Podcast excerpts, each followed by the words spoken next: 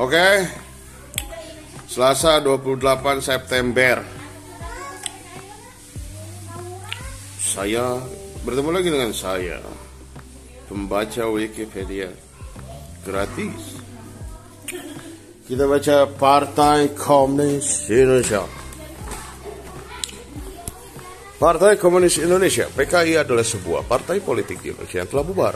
PKI adalah partai komunis non penguasa tersebar eh terbesar di dunia setelah Uni Soviet dan Tiongkok yang ada pada akhirnya dihancurkan pada tahun 1965 dan dinyatakan sebagai partai terlarang pada tahun berikutnya.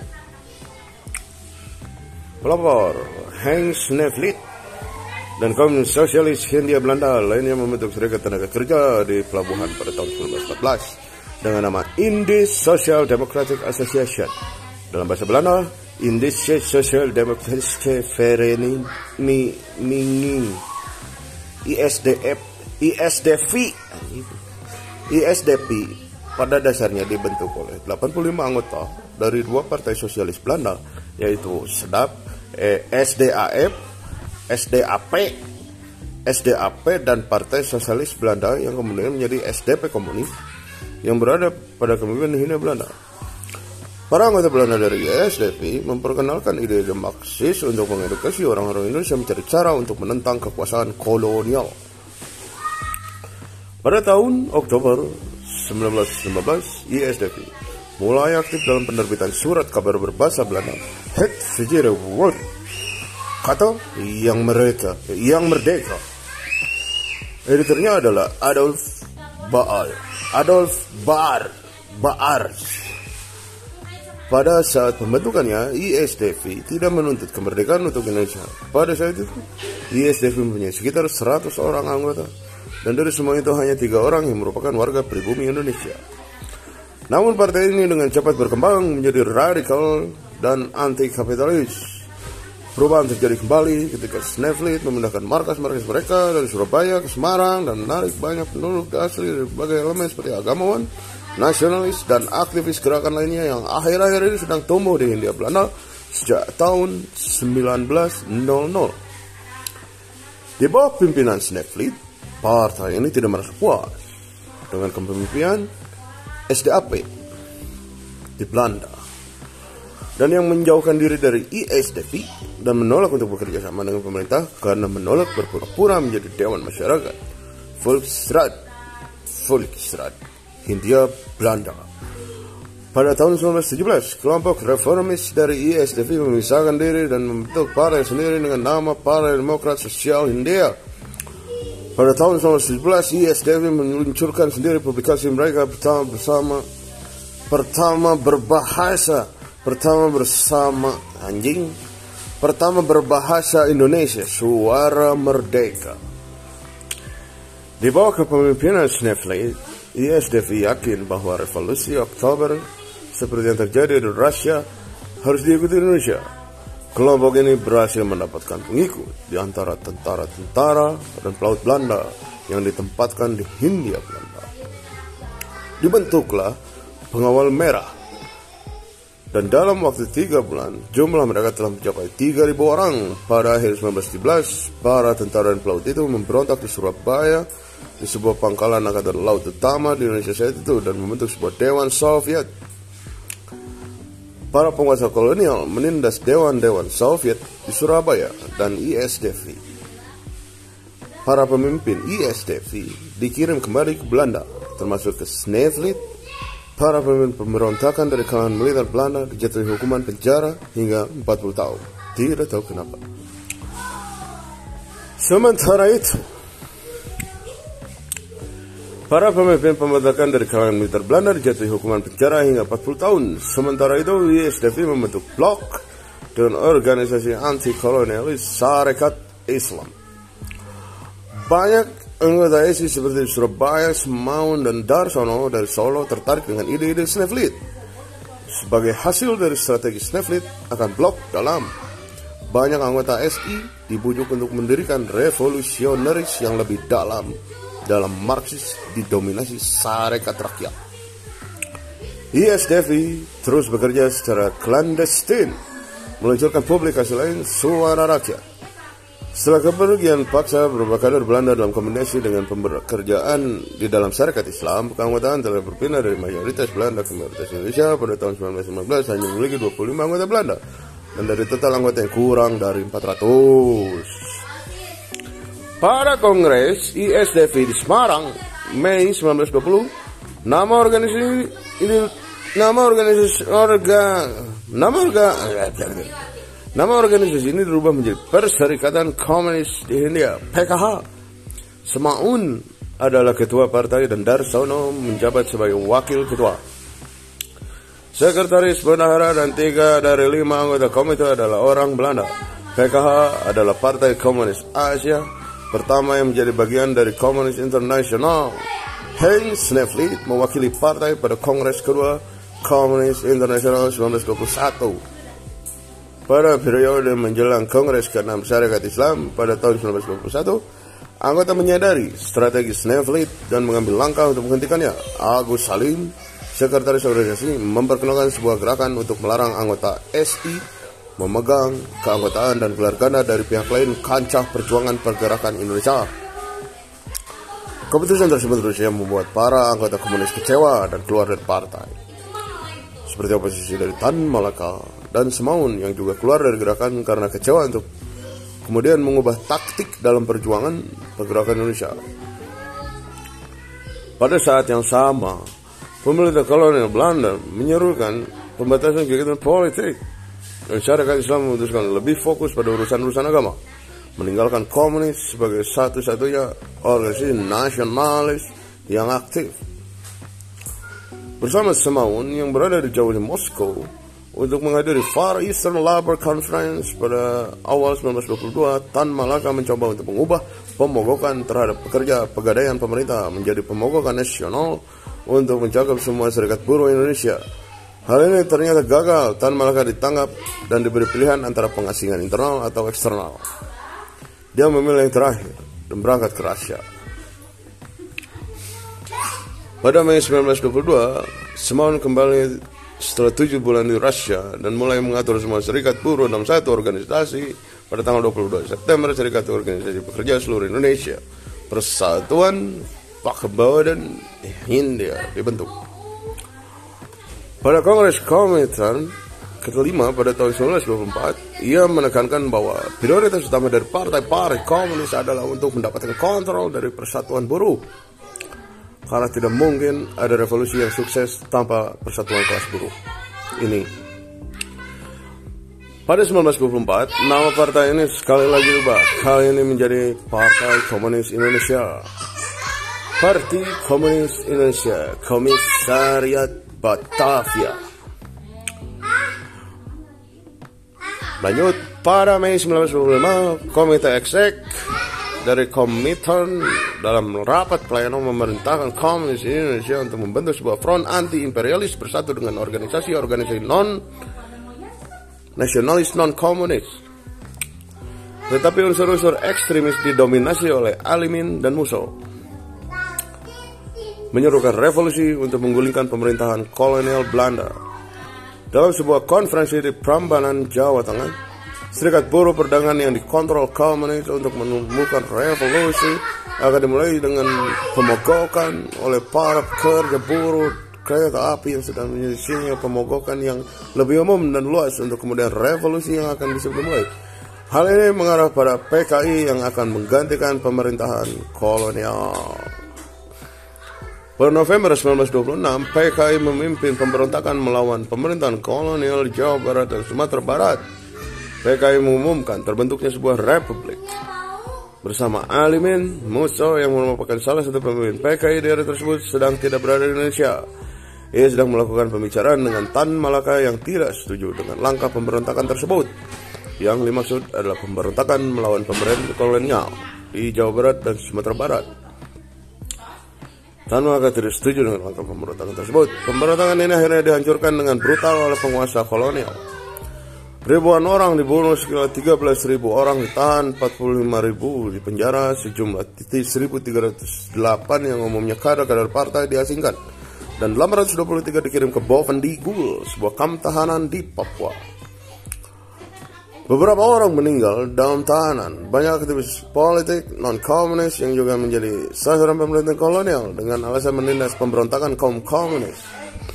Pada 1927, PKI dinyatakan terlarang oleh pemerintahan Belanda. Karena itu PKI kemudian bergerak di bawah tanah. Ah. Rencana pemberontakan itu sendiri sudah dirancang sejak lama, yang di dalam perundingan rahasia aktivis PKI di Prambanan Rencana itu ditolak tegas oleh Tan Malaka, salah satu tokoh utama PKI yang mempunyai banyak masa, terutama di Sumatera. Tan Malaka memprediksi bahwa pemberontakan akan gagal karena menurutnya basis kaum proletar, proletar maksudnya kaum ya kaum di bawah, kaum eh, kelas bawah maksudnya. Kaum proletar Indonesia enggak sih proletar apa sih? Anjing, gue juga nggak tahu Menurutnya basis kaum proletar Indonesia adalah rakyat petani bukan buruh seperti di Uni Soviet. Penolakan tersebut membuat Tan Malaka dicap sebagai pengikut Leon Trotsky. Oh, karena petani yang juga sebagai tokoh sentral penjualan revolusi Rusia. Walau sebegitu, beberapa aksi PKI justru terjadi setelah pemberontakan di Jawa terjadi. Semisal pemberontakan Silungkang di Sumatera. Pada awal pelarangan ini, PKI berusaha untuk tidak menonjolkan diri, terutama karena banyak dari pemimpin-pemimpin yang penjarakan. Pada 1935, pemimpin PKI Musso kembali dari pengasingan di Moskwa, Moskwa, Uni Soviet, untuk menata kembali PKI dalam gerakan ini di bawah tanah. Namun Musso hanya tinggal sebentar di Indonesia, kemudian PKI bergerak di berbagai front, seperti misalnya Gerindo, dan serikat-serikat buruh. Di Belanda, PKI mulai bergerak di antara mahasiswa-mahasiswa Indonesia di kalangan organisasi-organisasi nasionalis Perhimpunan Indonesia yang tak lama kemudian berpihak pada PKI.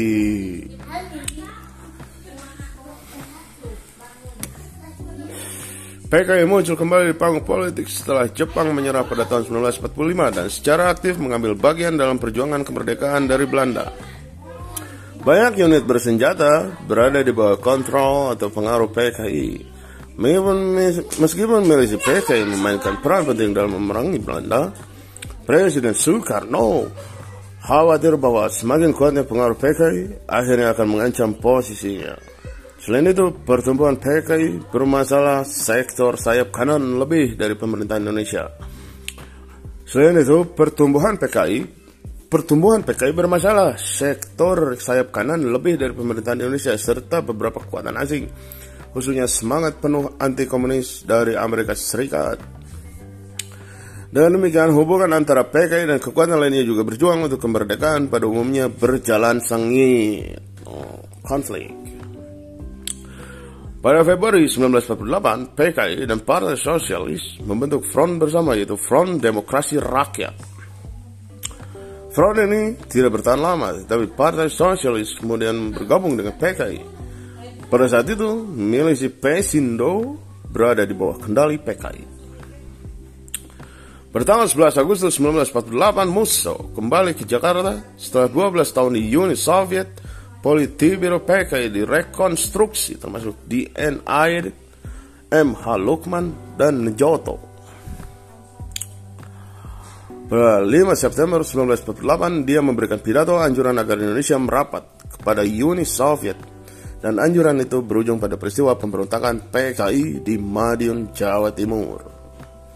Peristiwa Madiun 1948 Setelah penandatanganan perjanjian Renville pada tahun 1948, Hasil kesepakatan perundingan Renville dianggap menguntungkan posisi Belanda. Sebaliknya Indonesia menjadi pihak yang dirugikan dengan semakin sempit wilayah yang dimiliki. Banyak unit bersenjata dari partai Republik memiliki zona konflik. Hal ini memberikan beberapa keyakinan sayap kanan Indonesia bahwa mereka akan mampu menandingi PKI secara militer. Unit gerilya dan milisi bawah pengaruh PKI diperting unit gerilya dan milisi di bawah pengaruh PKI diperintahkan untuk membubarkan diri. Di Madiun, kelompok militer PKI menolak untuk pergi bersama dengan pelucutan senjata para anggota yang dibunuh pada bulan September tahun yang sama. Pembunuhan itu memicu pemberontakan kekerasan. Hal ini memberikan alasan untuk menekan PKI. Hal ini diklaim oleh sumber-sumber militer bahwa PKI telah mengumumkan proklamasi Republik Soviet Indonesia pada tanggal 18 September dengan menyebut Musso sebagai presiden dan Amir Sarifuddin sebagai Perdana Menteri. Pada saat yang sama, PKI mengecam pemberontakan dan meminta tenang. Pada 30 September, Madiun diambil alih oleh TNI dari divisi Siliwangi. Ribuan kader partai terbunuh dan 36 ribu di penjara. Di antara beberapa pemimpin yang dieksekusi termasuk Muso yang dibunuh pada 31 Oktober saat tertangkap di desa Niten, kecamatan Sumorejo, Ponorogo. Diduga ketika Muso mencoba melarikan diri dari penjara, Aidit dan Lukman pergi ke pengasingan di Republik Rakyat Tiongkok. Namun PKI tidak dilarang terus berfungsi. Rekonstruksi partai dimulai lagi tahun 1949. Bangkit kembali PKI DN Aidit berbicara pada pertemuan pemilu 1955. Pada 1950, PKI memulai kembali kegiatan penerbitannya dengan organ-organ utamanya yaitu Harian Rakyat dan Bintang Merah. Pada 1950-an, PKI mengambil posisi sebagai partai nasionalis di bawah pimpinan DNID dan mendukung kebijakan-kebijakan anti kolonialis dan anti barat yang diambil oleh Presiden Soekarno. Aidet dan kelompoknya di sekitarnya termasuk pemimpin muda seperti Sudisman, Lukman, Nyoto, dan Sakirman menguasai pimpinan partai pada 1951 pada saat itu tak satu pun mereka yang berusia lebih dari 30 tahun di bawah Airit pakai berkembang dengan sangat cepat. Dari sekitar 3.000 sampai ke 5.000 anggota pada tahun 1950 menjadi 165.000 pada 1954 dan bahkan 1,5 juta pada 1959. Oposisi lanjutan oleh Belanda terhadap Irian Jaya adalah masalah yang sering diangkat oleh PKI selama 900 selama tahun 1950. Pada tahun Agustus 1951, PKI memimpin serangkaian pemogokan-pemogokan yang ya, yang diikuti oleh tindakan-tindakan tegas oleh kubu yang menentang PKI di Medan, Jakarta. Pada Agustus 1951, PKI memimpin serangkaian pemogokan-pemogokan yang diikuti oleh tindakan-tindakan tegas oleh kubu yang menentang PKI di Medan dan Jakarta. Oh, Medan dan Jakarta. Hmm. Akibatnya, para pemimpin PKI kembali bergerak di bawah tanah untuk sementara waktu. Pada Februari 1958, sebuah upaya kudeta yang dilakukan oleh kekuatan pro Amerika Serikat dan antara militer dan politik sayap kanan para pemberontak yang berbasis di Sumatera dan Sulawesi memproklamasikan pemerintahan revolusioner Republik Indonesia pada tanggal 15 Februari. Pemerintahan revolusioner yang terbentuk ini segera mulai melangkap ribuan anggota PKI di daerah di bawah kendali mereka. PKI mendukung upaya Soekarno untuk memadamkan pemberontakan termasuk pemberlakuan hukum darurat militer. Pemberontakan itu akhirnya dikalahkan. Pada bulan Agustus 1959, terjadi upaya atas nama militer untuk mencegah penyelenggaraan Kongres PKI. Namun Kongres digelar sesuai jadwal dan ditangan, ditangani oleh Soekarno sendiri. Pada tahun 1960, Soekarno meluncurkan slogan NASAKOM, singkatan dari nasionalisme, agama, komunisme. Dengan demikian peran PKI sebagai mitra junior dalam pemerintah Soekarno resmi dilembagakan. PKI menyambut baik peluncuran konsep NASACO. Lihatnya dari segi front persatuan multi kelas. Oh.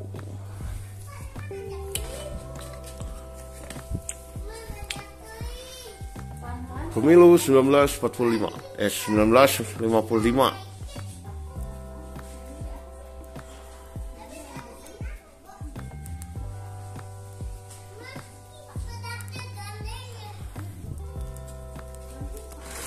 Pemilu 1955 Perayaan Milad PKI yang ke-45 di Jakarta. Pada awal tahun 1965 Pemimpin DN Aidit bersama Soekarno di acara perayaan ultang Partai Komunis Indonesia. Pakai S aja tuh. Sebelum pemilihan 1955, PKI disukai Soekarno untuk rencana demokrasi terpimpin dan merupakan pendukung aktif Soekarno. Pada pemilu 1955, PKI menempati tempat keempat dengan 16% dari keseluruhan suara. Partai ini memperoleh 39 kursi dari 257 kursi yang diperebutkan dan 80 dari 514 kursi di konstituen. Pada Juli 1957, kantor PKI di Jakarta diserang dengan granat. Pada bulan yang sama, PKI memperoleh banyak kemajuan dalam pemilihan-pemilihan beberapa kota. Pada September 1957, Mas Jumi yang merasa tersaing oleh PKI secara terbuka menuntut supaya PKI dilarang. Pada tanggal 3 Desember 1957, serikat-serikat buruh yang pada umumnya berada di bawah pengaruh PKI mulai menguasai perusahaan-perusahaan milik Belanda. Penguasaan ini merintis nasionalisasi atas perusahaan-perusahaan yang dimiliki oleh asing. Perjuangan melawan para kapitalis asing memberikan PKI kesempatan menampilkan diri sebagai sebuah partai nasional. Pada Februari 1968, terjadi sebuah upaya koreksi terhadap kebijakan Soekarno yang mulai condong ke timur di kalangan militer. Maksudnya ke timur di kalangan militer dan politik sayap kanan. Oh. Mereka juga menuntut agar pemerintahan pusat konsisten dalam melaksanakan Undang-Undang Dasar S 1950 Selain itu, pembagian hasil bumi yang tidak merata antara pusat dan daerah menjadi pemicu gerakan yang berbasis di Sumatera dan Sulawesi mengumumkan 15 Februari 1958 terbentuk Pemerintahan Revolusioner Republik Indonesia. Pemerintahan yang disebut revolusioner ini setelah segera menangkap ribuan kader PKI di wilayah-wilayah yang berada di bawah kontrol mereka. PKI mendukung upaya-upaya Soekarno untuk memadamkan gerakan ini, termasuk pemberlakuan undang-undang darurat.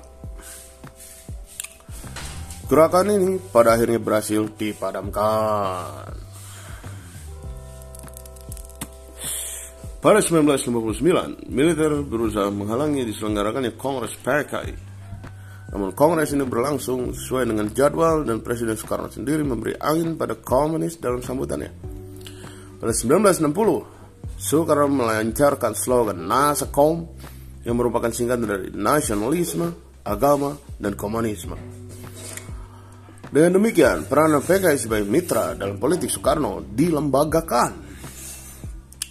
PKI membalasnya dengan menanggapi konsep Nasakom secara positif dan melihatnya sebagai sebuah front bersatu yang multi kelas dan multi golongan. Dan Airit dan Rifang dalam Kongres Kongres kelima Partai Persatuan Sosialis Jerman Berlin Timur 11 Juli 1958 Meskipun PKI mendukung Soekarno, ia tidak kehilangan otonomi politiknya. Pada bulan Maret 1960, PKI mengecam penanganan demokratis anggaran oleh Soekarno. Pada tanggal 8 Juli, Harian Rakyat menerbitkan sebuah artikel yang mengkritik kebijakan pemerintah. Pemimpin PKI sempat ditangkap oleh militer, tetapi kemudian dibebaskan atas perintah dari Soekarno. Ketika gagasan tentang Malaysia berkembang, PKI maupun Partai Komunis Malaya menolaknya. Dan baik PKI ataupun Partai Komunis Malaya menganggap pembentukan Malaysia sebagai proyek neokolonialisme dan neo-imperialisme Inggris dan sekutunya.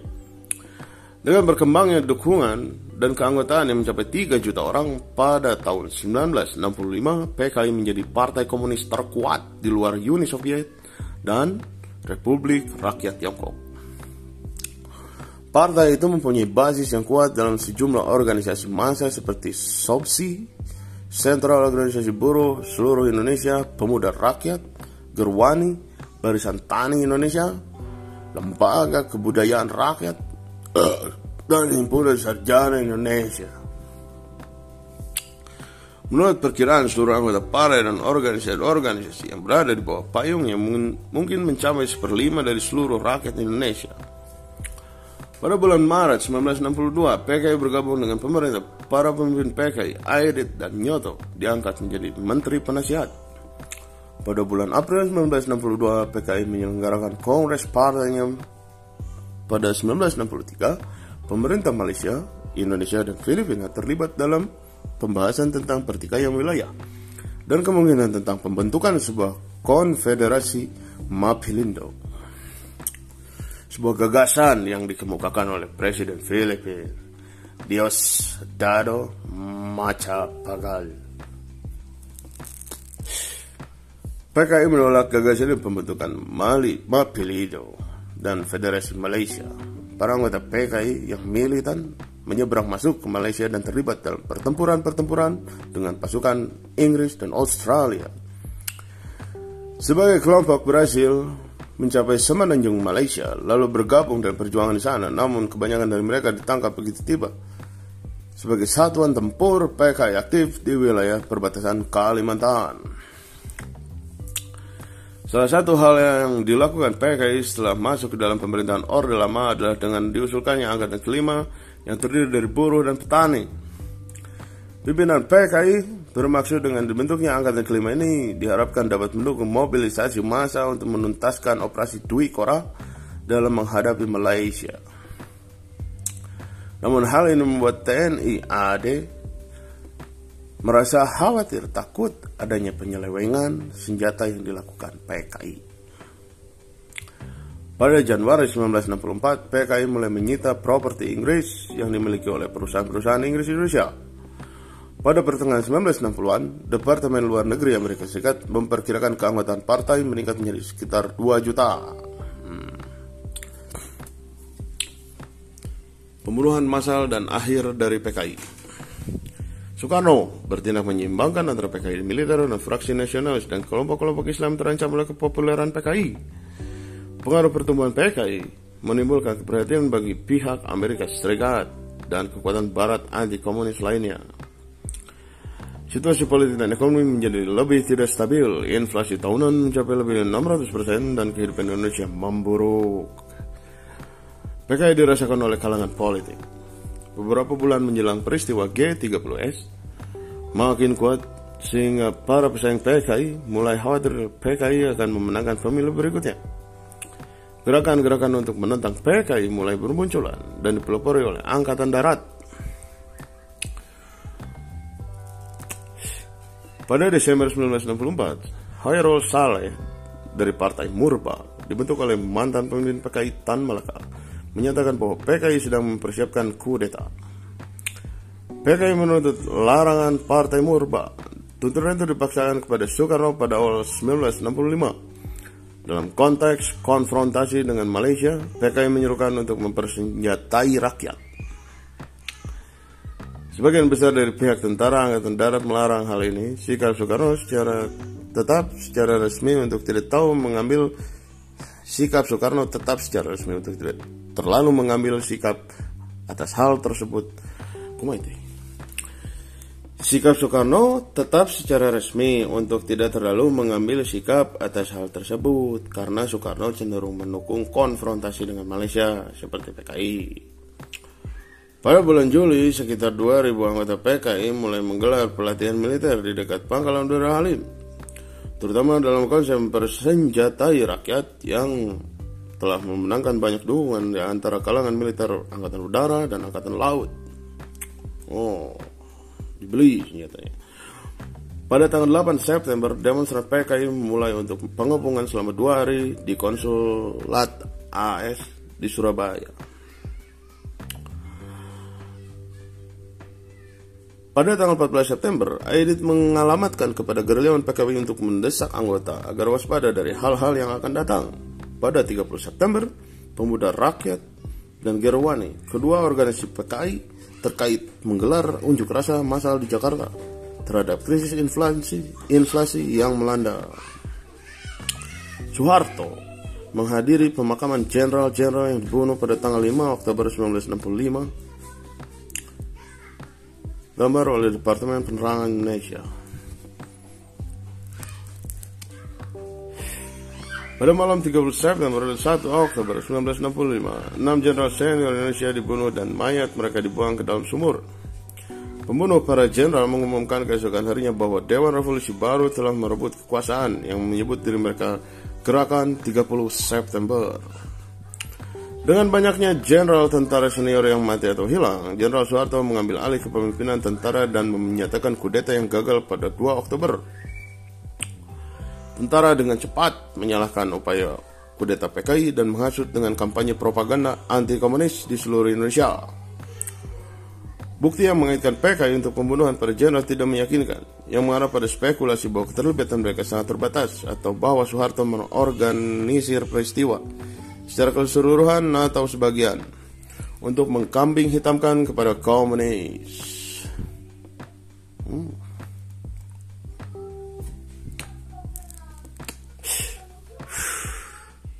Bukti yang mengaitkan PKI untuk pembunuhan para jenderal tidak meyakinkan yang mengarah ke spekulasi bahwa keterlibatan mereka sangat terbatas atau bahwa Soeharto mengorganisir peristiwa secara keseluruhan atau sebagian dan mengkambing hitamkan kepada komunis. Dalam pembersihan anti komunis, melalui kekerasan berikutnya diperkirakan 500 ribu komunis atau dicurigai dibunuh dan PKI secara efektif dihilangkan. Pembantaian di Indonesia 1965-1966 Jenderal Soeharto kemudian mengalahkan Soekarno secara politik dan diangkat menjadi presiden pada tahun 1968 karena mengkonsolidasikan pengaruhnya atas militer dan pemerintah. Pada tanggal 2 Oktober, basis di Halim berhasil ditangkap oleh pihak tentara. Lalu ketakutan rakyat siapa yang mikirin? Pada tanggal 2 Oktober, basis di Halim berhasil ditangkap oleh pihak tentara. Tentaranya. Harian Rakyat mengambil isu pada sebuah artikel yang berisi untuk mendukung kudeta 30S tetapi spekulasi kemudian bangkit mengenai apakah itu benar-benar mewakili pendapat dari PKI. Sebaliknya, pernyataan resmi PKI pada saat itu adalah upaya G30S merupakan tujuan internal di dalam angkatan bersenjata mereka. Wow. Pada tanggal 6 Oktober, Kabinet Soekarno mengadakan pertemuan pertama sejak 30 September. Menteri PKI hadir. Sebuah resolusi mengecam G30S disahkan. Nyoto ditangkap langsung setelah pertemuan itu. Presiden Soekarno berkali-kali melakukan pembelaan bahwa PKI tidak terlibat dalam peristiwa sebagai partai melainkan karena adanya sejumlah tokoh partai yang bertindak di luar kontrol dan terpancing oleh inisiasi Barat. Dan karena itu Soekarno tidak akan membubarkan PKI. Kemudian, pimpinan dan sejumlah perwira angkatan darat memberi versi keterlibatan PKI sepenuhnya dalam penculikan dan pembunuhan enam jenderal dan seorang perwira pertama Angkatan Darat pada tengah malam 30 September menuju dini hari 1 Oktober 1965. Versi ini segera diterima secara umum sesuai fakta kasat mata yang terhidang dan ditopang pengalaman buruk bersama PKI dalam kehidupan sosial dan politik pada tahun-tahun terakhir. Ah, war crime berarti kriminal perang hanya saja harus diakui bahwa sejumlah perwira penerangan telah menambahkan dramatisasi terhadap kekejaman melebihi peristiwa yang sesungguhnya in facto. Hmm. Penculikan dan kemudian pembunuhan para jenderal menurut fakta memang sudah kejam, tapi dramatisasi dengan pemaparan yang hiperbolis dalam penyajian telah memberikan efek mengerikan melampaui batas yang mampu dibayangkan semula dan akhirnya mengundang pembalasan yang juga tiada taranya dalam penumpasan berdarah antara manusia di Indonesia.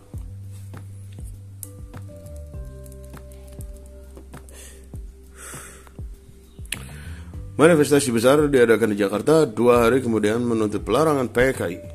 Kantor utama milik PKI dibakar pada tanggal 13 Oktober. Organisasi, organisasi Islam Ansor mengadakan aksi unjuk rasa anti PKI di seluruh Jawa. Pada tanggal 18 Oktober, sekitar 100 PKI dibunuh oleh pihak Ansor. Pemusnahan secara sistematis untuk partai telah dimulai. Hmm. Antara 300 ribu sampai 1 juta orang Indonesia dibunuh dalam pembunuhan massal yang digelar. Para korban termasuk juga non-komunis yang dibunuh karena kesalahan identitas atau kesalahan oleh asosiasi namun kurangnya informasi menjadi tidak mungkin untuk menentukan angka pasti di jumlah korban dibunuh. Banyak peneliti hari ini menjelaskan korban yang dibunuh antara 200.000 sampai 500.000 orang. Sebuah studi dari CIA tentang peristiwa di Indonesia ini menilai bahwa dalam hal jumlah korban pembantaian oleh anti PKI, Indonesia masuk dalam salah satu peringkat pembunuhan massal terburuk pada abad ke-20.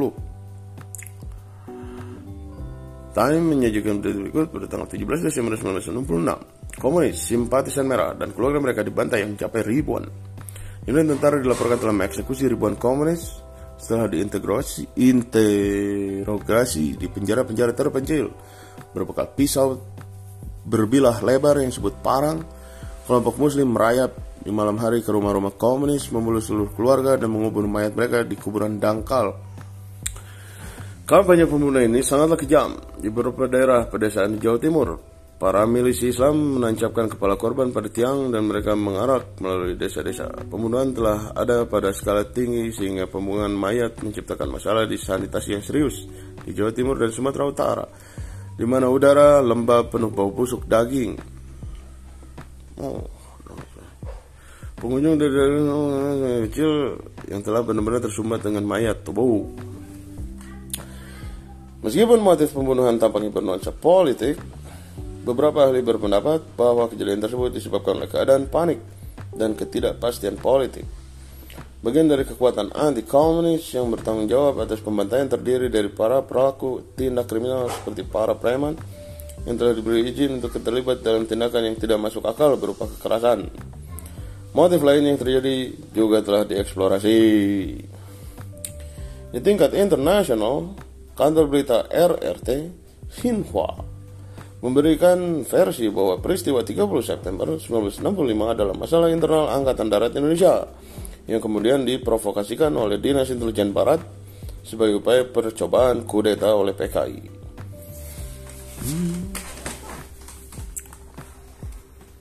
Di antara daerah-daerah yang terkena dampak terburuk ada Pulau Bali, di mana PKI telah berkembang pesat sebelum tindakan kekerasan tersebut. Pada tanggal 11 November, bentrokan meletus antara PKI dan PNI yang berhasil yang berakhir dengan pembantaian terhadap anggota dan simpatisan yang turut PKI. Jika banyak dari pogrom anti PKI di seluruh daerah itu dilakukan oleh organisasi-organisasi politik Islam, pembunuhan di Bali dilakukan atas nama Hindu. Huh? Bali berdiri sebagai salah satunya tempat Indonesia di mana tentara lokal dalam beberapa cara intervensi cenderung mengurangi praktik pembantaian tersebut. Hmm. Ah. Pada tanggal 22 November, Aide ditangkap dan dibunuh. Pada bulan Desember, militer menyatakan bahwa Aceh telah dibersihkan dari komunis.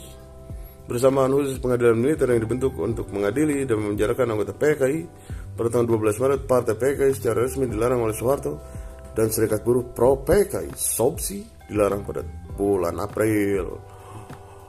Eh, Bali. Di antara daerah daerah terkena tampak terburuk ada Pulau Bali, di mana PKI telah berkembang pesat sebelum tindakan kekerasan tersebut. Pada tanggal 11 November, bentrokan meletus antara PKI dan PNI yang berakhir dengan pembantaian terhadap anggota simpatisan yang dituduh PKI. Jika banyak program anti PKI di seluruh daerah lain itu dilakukan organisasi-organisasi politik Islam. Pembunuhan di Bali dilakukan atas nama Hindu. Pembunuhan menteri ini baru dilakukan nama ini Bali beri sebagai satu tempat di Indonesia di mana tentara lokal dalam beberapa cara intervensi cenderung mengurangi praktik pembantaian tersebut. Pada bulan Desember, telah menyatakan bahwa Aceh telah dibersihkan dari komunis bersama khusus pengadilan militer yang dibentuk oleh mengadili dan memenjarakan anggota PKI. Pada 12 Maret, Partai PKI secara resmi dilarang oleh Soeharto dan Serikat Buruh Pro PKI SOPSI dilarang pada bulan April. Ah, war crime. So, war crime everywhere. Kriminal perang di semua bagian. Penjara-penjara di Jakarta begitu penuh. Hampir seluruh penjara digunakan untuk penahan anggota PKI. Banyak tahanan politik ditahan tanpa dasar yang jelas. Sejak saat itu, identitas bangsa Indonesia berubah total sesudah 1965. Semangat anti-kolonialisme hilang dan anti-komunisme menjadi dasar identitas bangsa. Kebencian terhadap sesama orang Indonesia menjadi basis untuk menentukan siapa warga negara yang jahat dan baik. Hmm. semua menjadi kolonial internal kolonial hmm so, so. Beberapa peristiwa yang menggemparkan itu dituangkan dalam novel fiksi populer difilmkan dengan judul yang sama yaitu The Year of Living Dangerously.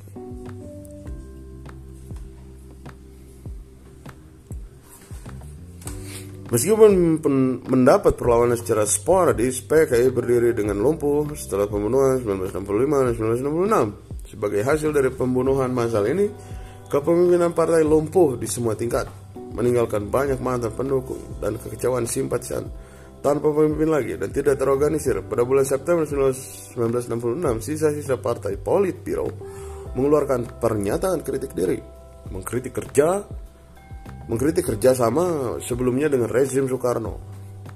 Setelah pembunuhan Aidit dan Nyoto, Sudisman, pemimpin PKI di tingkat keempat sebelum Oktober 1963, mengambil alih kepemimpinan partai dia berusaha untuk membangun kembali partai atas dasar saling keterkaitan tiga kelompok anggota, tetapi hanya berdampak sedikit kemajuan sebelum akhir ia ditangkap pada Desember 1966. Pada tahun 1967 ia dijatuhi hukuman mati. Beberapa kader PKI telah mengungsi di sebuah wilayah terpencil di selatan Blitar, Jawa Timur, menyusul tindakan kekerasan terhadap partai. Di antara para pemimpin yang hadir di Blitar adalah anggota Politbiro Rewang, Teoretikus Partai Oloan Hutapea dan pemimpin Jawa Timur Ruslan Wijaya Sastra. Blitar merupakan daerah tertinggal dengan PKI yang memiliki dukungan kuat di kalangan kaum tani. Pihak militer tidak menyadari bahwa PKI telah mampu mengkonsolidasikan dirinya di sana. Para pemimpin PKI ini bergabung dengan Letkol Pratomo mantan mantan komandan distrik militer Pandeglang Jawa Barat yang membantu memberikan pelatihan militer untuk komunis lokal di Blitar. Blitar. Ah.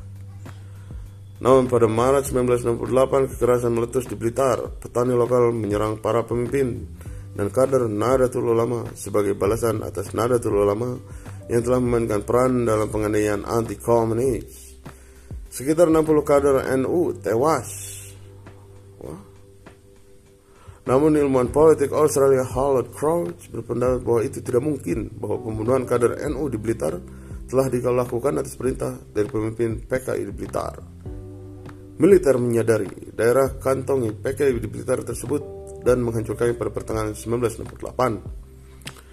Beberapa kader partai yang sementara di luar Indonesia pada saat peristiwa 30 September, terutama delegasi yang cukup besar melakukan perjalanan ke Republik Rakyat Tiongkok untuk berpartisipasi dalam perayaan ulang tahun Revolusi Cina. Sedangkan yang lainnya telah meninggalkan Indonesia untuk melanjutkan studi di Eropa Timur. Dalam pengasingan, aparatur partai terus berfungsi. Bagaimanapun, sebagian besar mereka terisolasi dari perkembangan politik di dalam Indonesia. Di Jawa, Beberapa desa yang dikenal sebagai tempat perlindungan bagi anggota atau simpatisan telah diidentifikasi oleh pihak berwenang dan dilindungi di bawah pengawasan secara hati-hati untuk waktu yang cukup.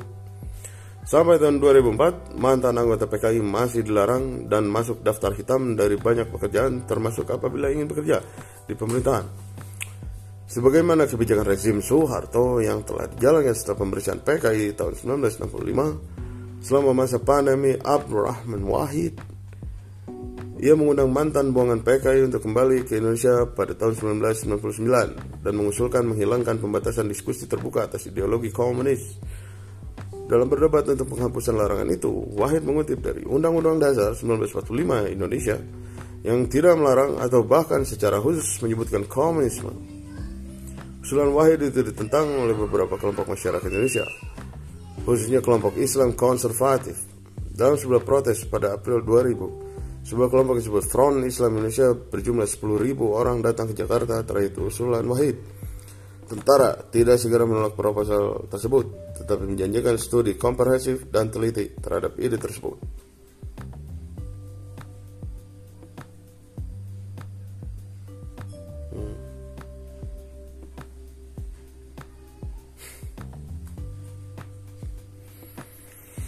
Presiden Joko Widodo berencana akan meminta maaf kepada keluarga korban PK yang telah menjadi korban pelanggaran hak asasi manusia di masa pembangunan Orde Baru. Namun kabar itu dibantah langsung oleh Presiden.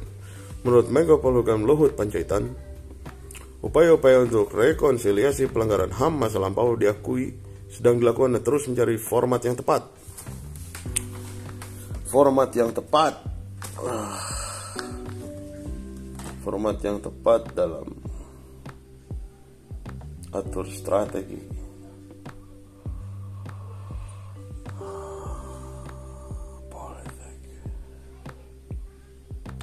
Format yang tepat akan kelahiran sejarah.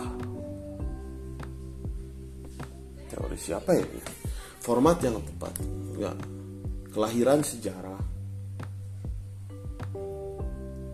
yang melahirkan generasi berpikiran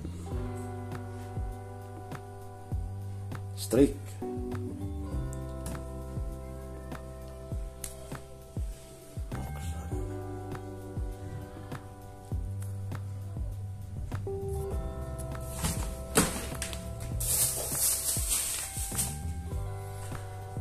ntar nyari korek dulu. Hmm. ini mirip sih. Kejadian di mana-mana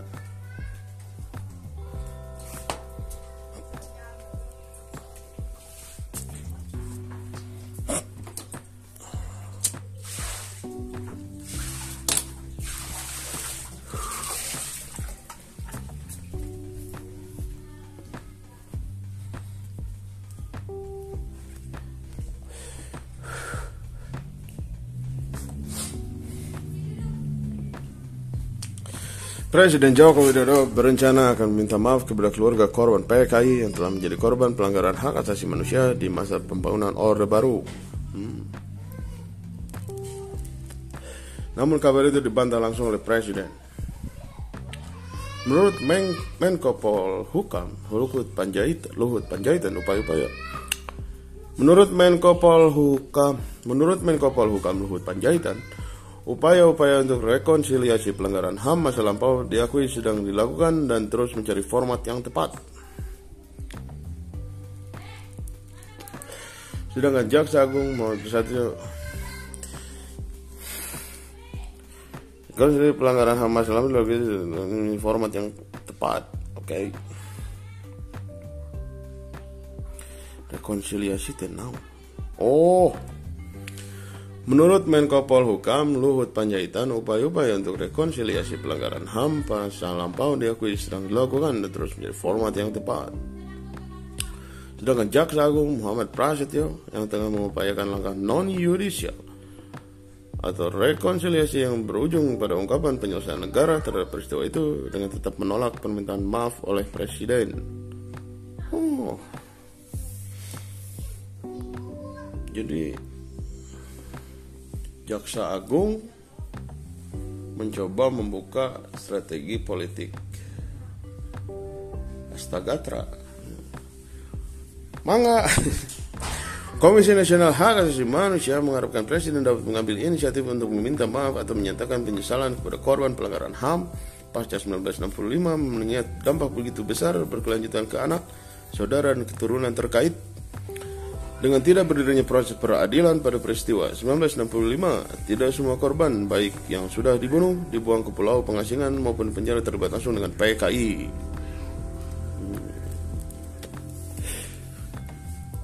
Beberapa ormas dan elemen agama menolak wacana permintaan maaf tersebut dan menggelar aksi unjuk rasa. Menhan, Riyami Zar, Ria Cudu menolak permintaan maaf terhadap PKI dengan alasan PKI yang melakukan pembunuhan terhadap tujuh jenderal.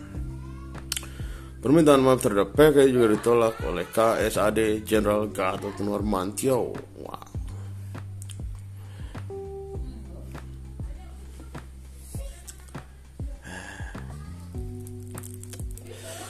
Penolakan permintaan maaf terhadap PKI juga datang dari budayawan Taufik Ismail karena menurutnya PKI telah tiga kali memberontak yaitu tahun 1927, 1948, dan 1965. Hmm.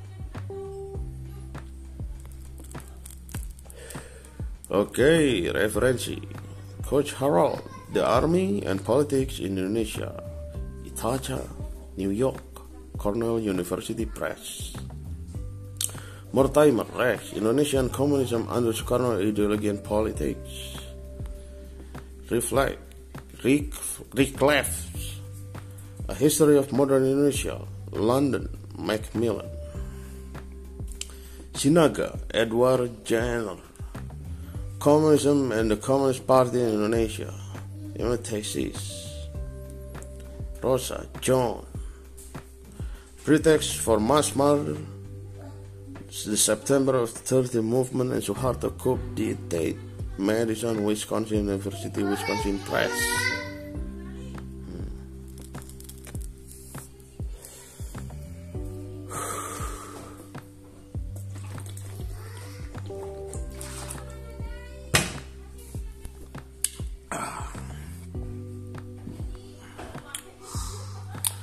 Oke, okay, 50 menit. Hmm. Kelahiran sejarah, kelahiran pola pikir. Jadi antara bumi itu bulat atau bumi itu datar disatukan menjadi bumi itu bundar. Sekian. Terima kasih. mereka.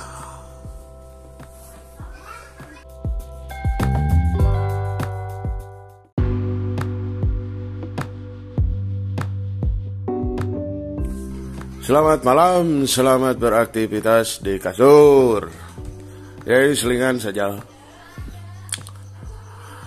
Tahun 2013, seminar G30S 1965 versi Jepang dengan Profesor Dr. Aiko Kurasawa. Profesor Dr. Aiko Kurosawa akan menyampaikan ceramah di LIPI tentang bukunya yang akan terbit di Jepang mengenai G30S menurut arsip Jepang. Buku itu merupakan buku pertama tentang 30S yang terbit di Jepang secara internasional sekaligus buku pertama tentang G30S 1965 yang menggunakan arsip berbahasa Jepang.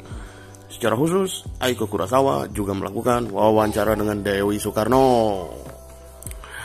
Sebelumnya, buku mengenai Dewi Soekarno dan keterkaitannya dengan papasan perang dari Jepang sudah terbit di Jepang.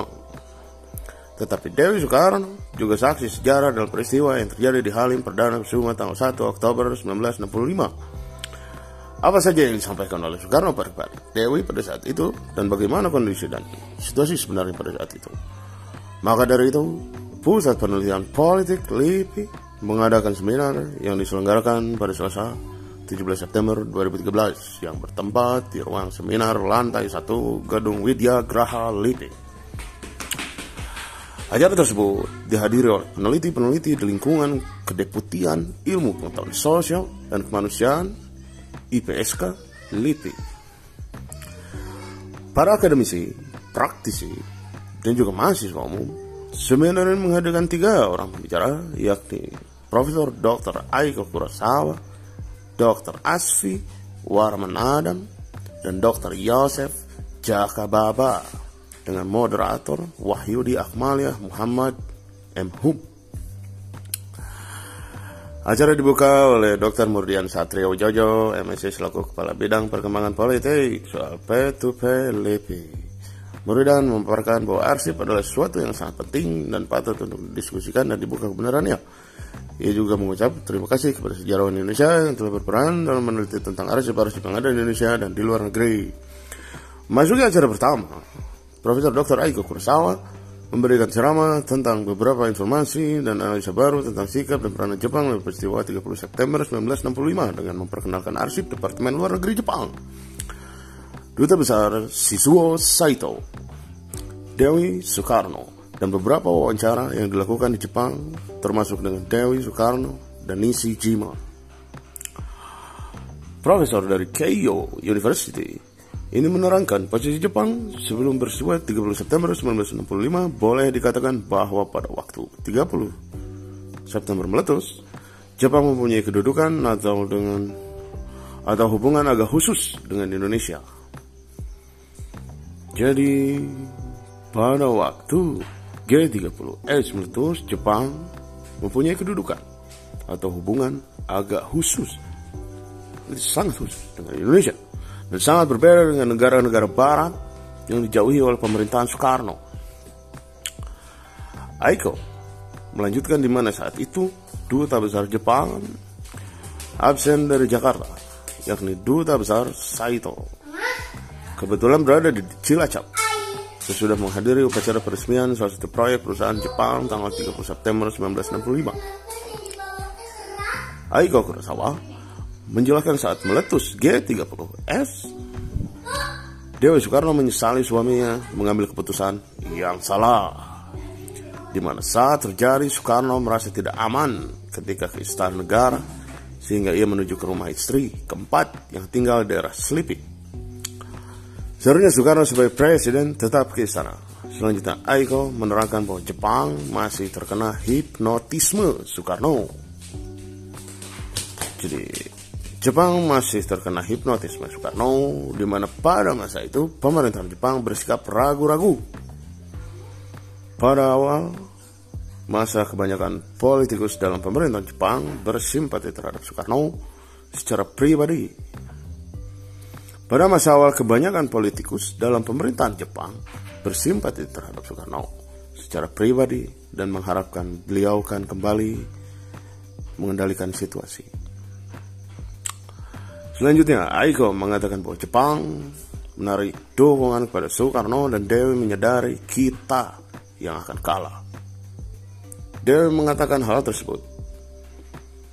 Dewi menyesal karena selama perjalanannya ke, depan, ke Jepang dan Eropa, situasi di Indonesia tiba-tiba berubah dan Bung Karno memecat Nasution dan beberapa menteri yang seharusnya yang memusuhinya. Sepulangnya ke Indonesia, dia menghadapi Super Semar, Super Sumar, Super Sumir. Sepulangnya ke Indonesia, Dewi menghadapi Super Sumir. Tetapi dia belum bisa menyadari betapa penting dan krisis kritis peristiwa ini bagi Presiden Soekarno.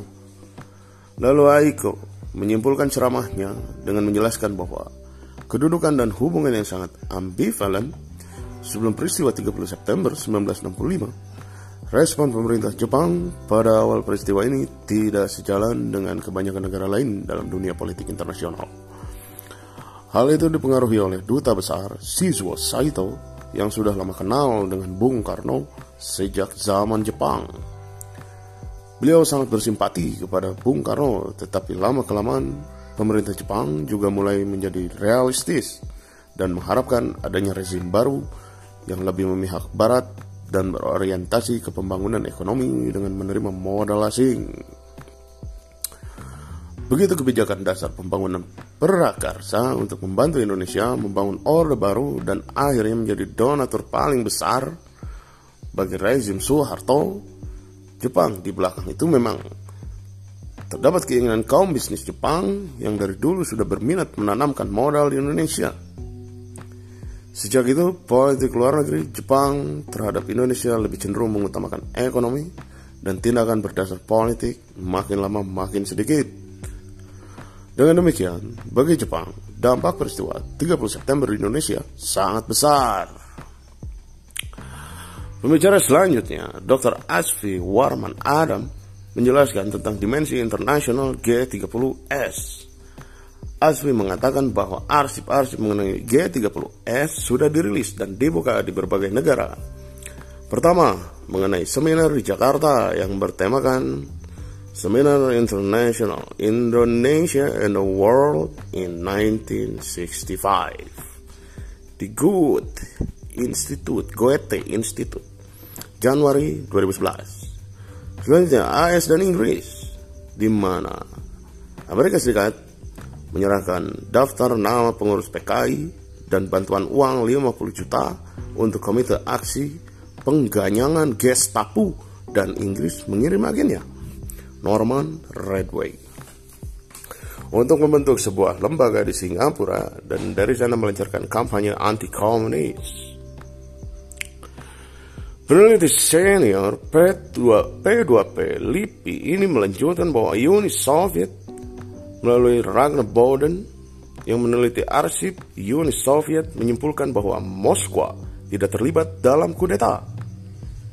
Negara ini cenderung bersikap opportunities, opportunistis op, opor opro oplet eta oportunis op peneliti senior P2 LIPI ini melanjutkan bahwa Uni Soviet melalui Ragnar Boden yang meneliti arsip Uni Soviet menyimpulkan bahwa Moskwa tidak terlibat dalam kudeta. Negara ini cenderung bersikap oportunistis. Mereka tidak berani, misalnya menampung tokoh PKI yang diburu aparat keamanan di kedutaan besar mereka Lanjutnya, di Prancis.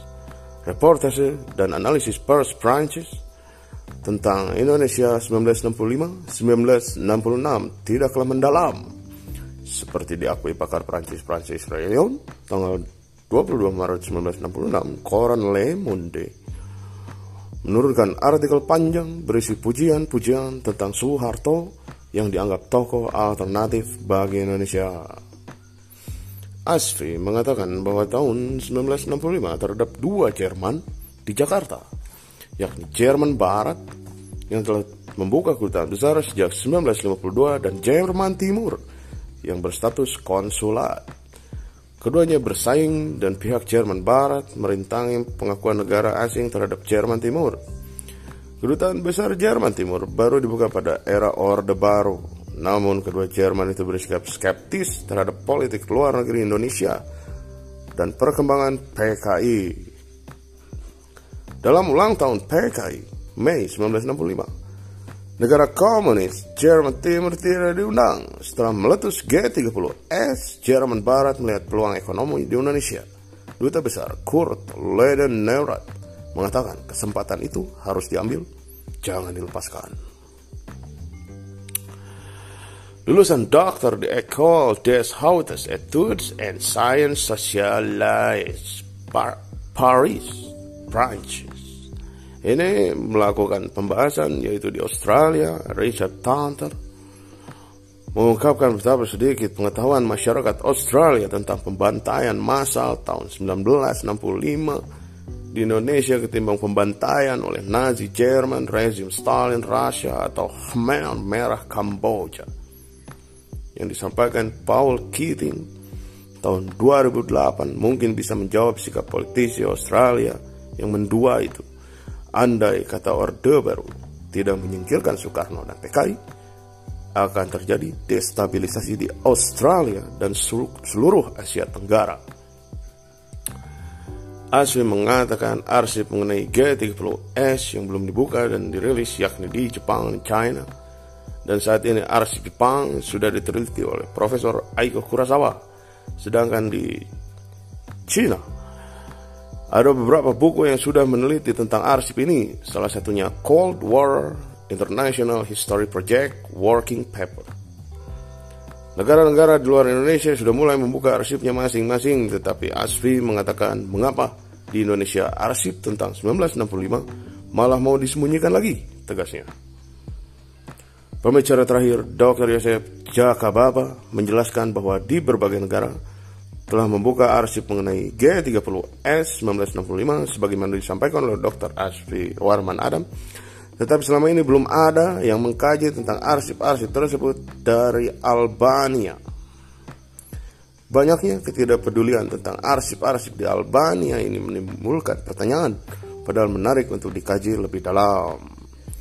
Selanjutnya acara diskusi dan tanya jawab berlangsung. Oke. Okay. Oke, okay, ini updatean 2013.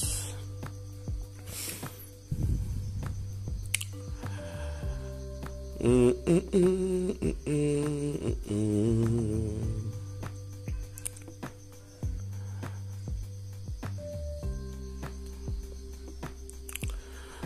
mungkin sekian dari saya. Sebagai uh, juru terapi dengar di acara ini yang saya namakan apa ya dari Wikipedia ke telingamu oke okay? au revoir